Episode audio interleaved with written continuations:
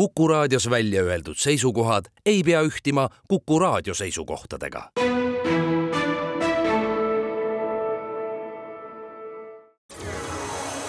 loodusajakiri,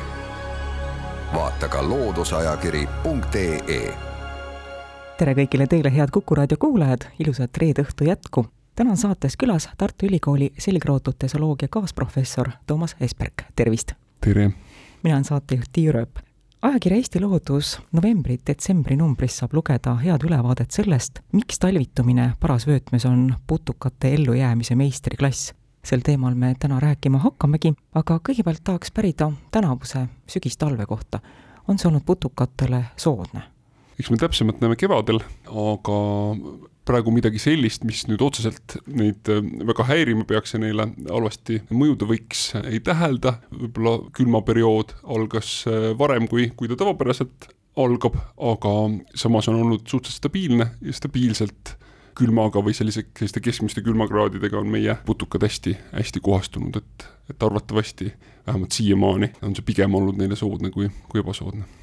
me räägime parasvöötmes elamiseks kohastunud putukatest tänases saates, selleks et natukenegi koomale tõmmata putukate maailma. mis kuudel on meie putukad kõige aktiivsemad, millal nad tegutsevad? suur osa putukatest tegelikult tegutseb äh,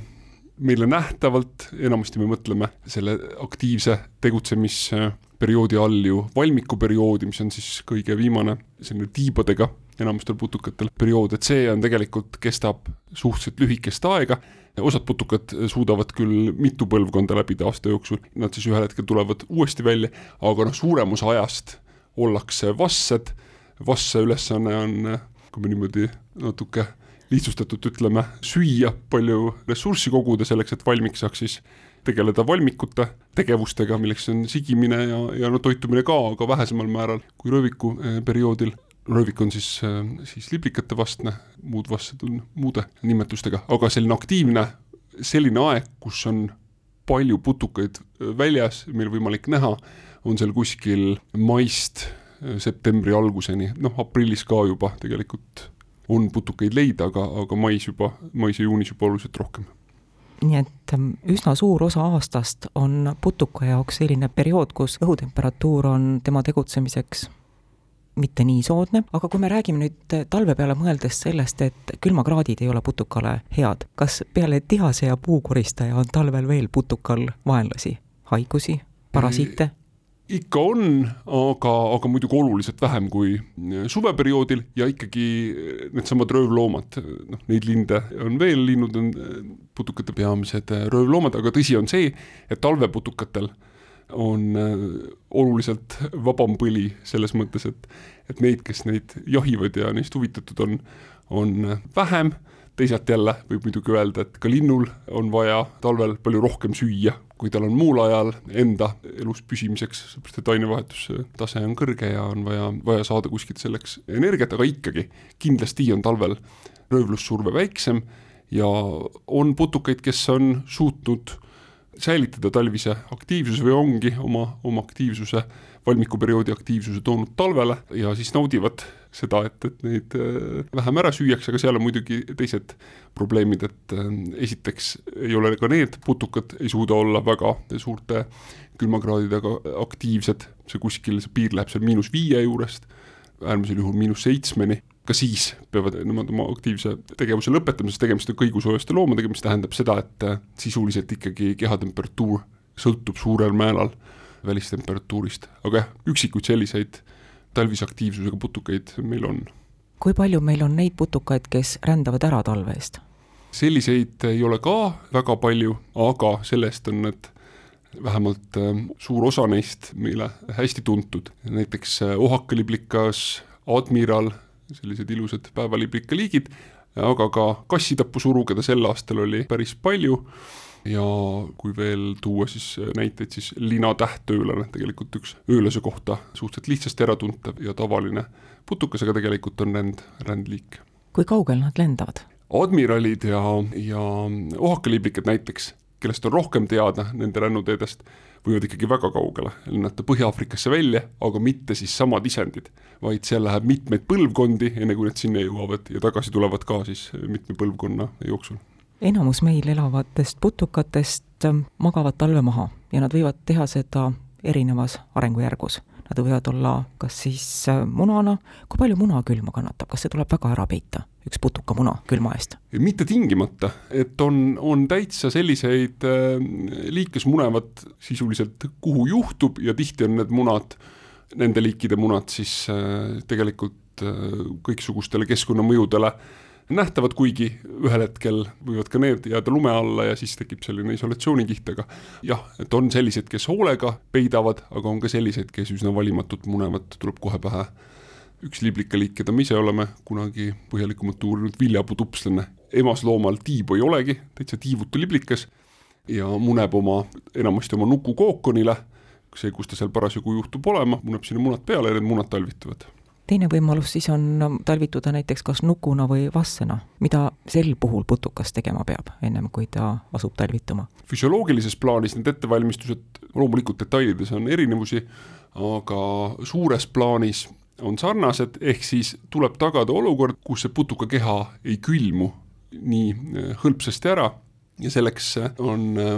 põhimeetodid, mida kasutatakse, on see, et, et eh, eemaldatakse sellised struktuurid, mis võivad äh, jäätumist soodustada, näiteks äh, tüüpiliselt talvituma minevad äh, vassed eraldavad oma soole sisu, see on selline koht, kus kohe kiiresti jäätumine muidu tekkima hakkab. Ja siis sünteesivad erinevaid aineid, mis külmumis- ja jäätumistemperatuuri alandavad, tüüpiliselt siis erinevad alkoholid ja suhkrud. Mis määrab selle, millises arengujärgus putukas talvele vastu läheb? See on natuke segane, sellepärast et äh, on tõesti niimoodi, et on mõned suuremad rühmad, kus äh, talvitumine toimub ainult ühes äh, kindlas staadiumis, näiteks kõik meie sihttiivalised rohutirtsud ritsikad talvituvad munana. aga samas on enamasti niimoodi, et, et suuremates rühmades putukaseltsides on kõik need erinevad strateegiad. Tarvitusel, näiteks liblikate hulgas on nii munana, nii vassena, nii nukuna, nii valmikuna talvitujaid, aga oluline on siis see, et üks liik saab talvituda ainult ühes kindlas staadiumis enamasti, siin on üksikuid, väga üksikuid erandeid. ja nüüd see põhiküsimus, kuidas putukas aru saab, et sügis tuleb? see on äh, huvitav küsimus tõesti ja seda on üksjagu uuritud just putukavassetel ja seal on kindlaks tehtud, et see käib peamiselt päevapikkuse järgi. kui mõelda, siis on see ju täiesti ootuspärane, kui temperatuur võib päris palju varieeruda, siis päevapikkus või õigemini isegi ööpikkus on selline asi, mis käib väga kindlat rada mööda, selle alusel on palju turvalisem, palju kindlam ennustada seda, kui kaugel talv on. Ja tõesti, enamus meie putukad, kes vassena talvituvad, siis seda kasutavad, on mingi kindel staadium, kus vastne on tundlik päevapikkusele, ma räägin siis liikidest, kellel on äh, mitu põlvkonda aastas, selliseid on üksjagu, ja siis äh, selles staadiumis võetakse vastu otsus, kas jõuab veel ühe põlvkonna läbida või siis tuleb talvituma minna, talv on lähedal, enam äh, järgmist põlvkonda läbida ei jõua, sest oluline on see, et ta jõuaks jälle sellesse samasse staadiumisse, millest ta on kohastunud talve üle elama, et selliseid poolikuid lahendusi siin ei, ei, ei ole.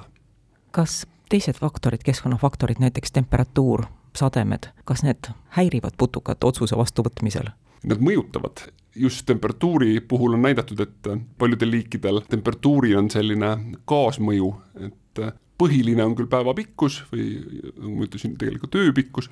aga temperatuur mängib ka rolli, eriti kui see on siis mingisugune künnis, millest alates otsustatakse, et nüüd lähen talvituma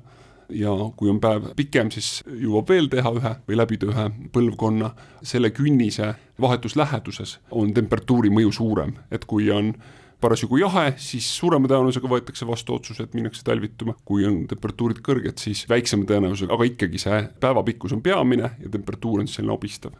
abistav tunnus. praegu, kus tänavune talv õnneks ei ole veel seda tendentsi näidanud, aga kui külmavabad perioodid on väga palju pikemaks veninud kui võib-olla sinna jaanuari keskele ongi ainult plusskraadid,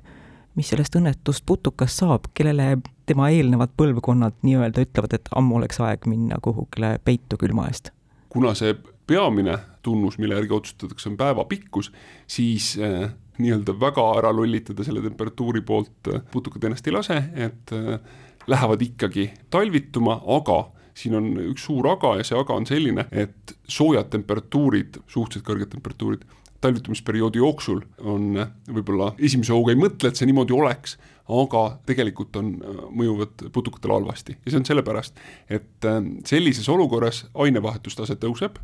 energiakulu suureneb, samas äh, uut energiat, uut toitu ei tule enne kevadet ja siis on lihtsalt arvestatav oht, selle putuka energiavarud saavad enne otsa, kui see talv ära lõpeb. et selles mõttes on selline mõõdukalt külm, stabiilne talveilm tegelikult talvituvale putukale palju soodsam kui selline vesine ja, ja suhteliselt kõrgete temperatuuridega talv. kas ma saan õigesti aru, et ilma korralike miinuskraadideta talv on putukatele palju ohtlikum, palju halvemini mõjub neile kui korralik külm lumega talv? pigem see nii tõesti on, need liigid, kes on siin meie oludega kohastunud, nendele sobivad madalad, no mitte väga madalad, aga sellised mõõdukad, mõõdukas äh, talveilm paremini kui kehvemad, nende jaoks kehvemad, soojemad ilmad. Ja seda siis mitmel põhjusel, üks põhjus, millest juttu oli, on siis see, et äh, kõrgete temperatuuride puhul suhteliselt kõrgete temperatuuride puhul plusskraadid talvel, tõuseb putuka ainevahetustase ja ta kulutab lihtsalt oma energiat kiiremini. aga seal on tegelikult veel aspekte, näiteks on niimoodi, et äh, mitmetele putukatele on oluline selleks, et nad kevadel uuesti aktiivseks muutuksid, on oluline külmakraadide olemasolu talvel. ühesõnaga, enne seda, kui suurt külma ei tule, enne seda on välistatud, et see putukas hakkaks üldse otsustama, et ta võib hakata üles ärkama, et, et kevad võiks, võiks kätte jõuda. ja kui sellist äh, külma ei tulegi, miinuskraadi ei tulegi, siis põhimõtteliselt võib juhtuda nii, et see putukas ei äh, muutugi aktiivseks. see on tema selline turvaprogramm, meie putukad eeldavad, et talved on külmad, et vähemalt äh, mingis ulatuses tulevad miinuskraadid ja nad kasutavad seda, et aru saada või olla kindlad selleks, et nad ei hakka liiga vara näiteks üksiku soojalaine ajal ei hakka aktiivseks muutuma, siis nad ootavad selle külma ära ja alles siis muutub see võimalikuks. aga kui sellist külma ei tulegi, siis siis võib juhtuda tõesti, et nad ei muutugi aktiivseks ja, ja on, on äh, täitsa täheldatud seda, et suremus võib minna äh, suureks selle tõttu. see ongi see meistriklass siis, äh, meie putukatele või, või selle artikli pealkirjas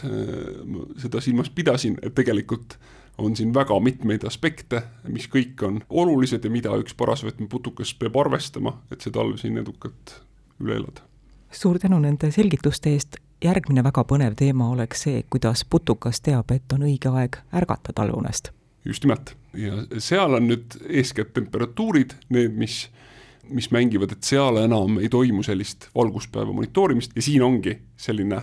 tagavaramehhanism on see külmalaine paljudel, mida on vaja, et saada miinuskraadidega teavet selle kohta, et kui nüüd läheb soojaks, siis võib hakata arenema, enne seda arengut ei toimu ja siis, siis kevadel, kui on piisavalt kõrged temperatuurid, siis hakatakse tõesti, muututakse aktiivseks, aga kui sügisel tuleb selline veel oktoobris vananaiste suvi, siis äh, sellega putukat ära ei peta, temal on see tagavaramehhanism ja see on see, et, et on vaja kõigepealt külma, sügiseste soojade ilmadega teda ei, ei püüa, ära ei, ei honita, et ta, siis ta aktiivseks ei muutu. ärkamisel on tõesti temperatuuril määrav roll palju detailide rohkema ülevaate sellest, miks putukate talvitumine parasvöötmes on tõeline meistriklass, saab ajakirja Eesti Loodus novembri-detsembri numbrist. aitäh, Toomas Esperk, selgituste eest. Saatejuht Tiia Rööp tänab ka kõiki teid, kes te meid kuulasite. head õhtu jätku ja jälle kuulmiseni. loodusajakiri, vaata ka looduseajakiri.ee